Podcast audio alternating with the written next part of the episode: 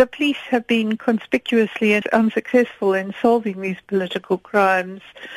You know, there hasn't been a single conviction for 80 odd killings in Glebelands Hostel.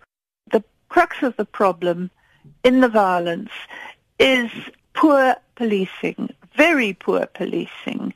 Crime intelligence that doesn't pick up hitmen, guns, although some of us know where these hitmen and guns are in Glebelands, as Vanessa Burger pointed out. Bad policing, bad detective work. So people just don't get caught. And if there are arrests, it's usually the hitmen.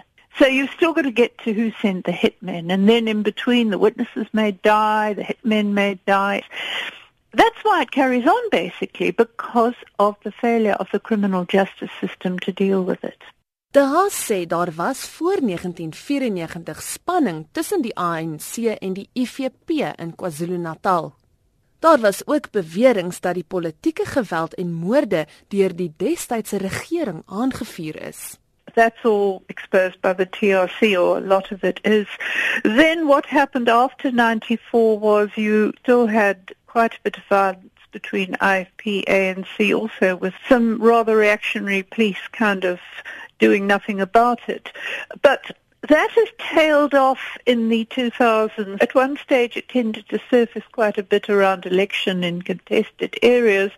It hasn't been that much of a feature. Sy sê egter politiek verwante misdaad en geweld het die afgelope paar jaar weer in die provinsie toegeneem. This has been building up in a sense since 2008 and 9 when there were divisions in the province between the supporters of the president Zuma and those who were sort of in an opposite camp who didn't want Mbeki to go. And there were tensions then, and around 2011 there were a lot of tensions over nominations in the ANC itself.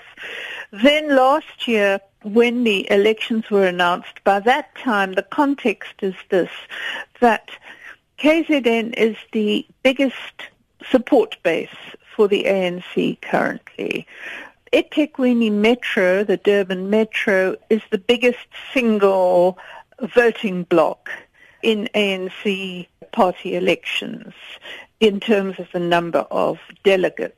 So there's quite a lot at stake. I think it's well known that at the moment there are deep divisions within the ANC.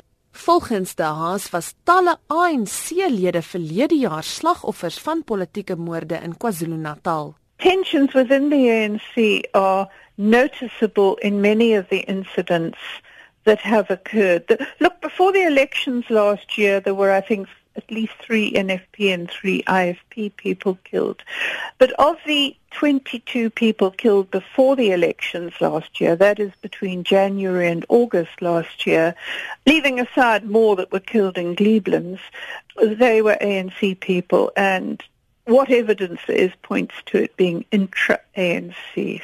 Selfs verlede jaar na die munisipale verkiesings duur die politiek gedrewe geweld en moorde voort. Since August last year there's been another oh approximately 18 killings I think and of course all the people that are shot and injured as well. You know, it's difficult to ascertain with precision what the motives are because you know there's no convictions. There's one or two cases I think in which there have been arrests So we'll see what comes out in court.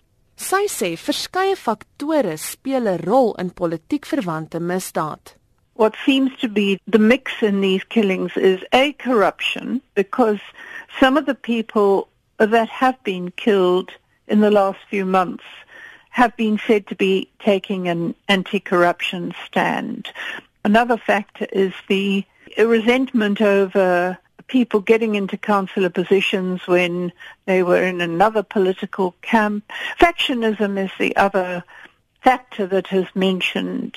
In some of the violence, there's even ethnic factors. You know, if you look at some of the southern areas of the province, or for example, Glebelands, you will see the label, the Pondos mentioned. Now, it's, it's kind of when you get that, it's because they seem to be less maybe not supportive enough of the Zuma faction in the ANC. It Dit was 'n onafhanklike navorser en KwaZulu-Natal se geweldsmonitor, Mary De Haas.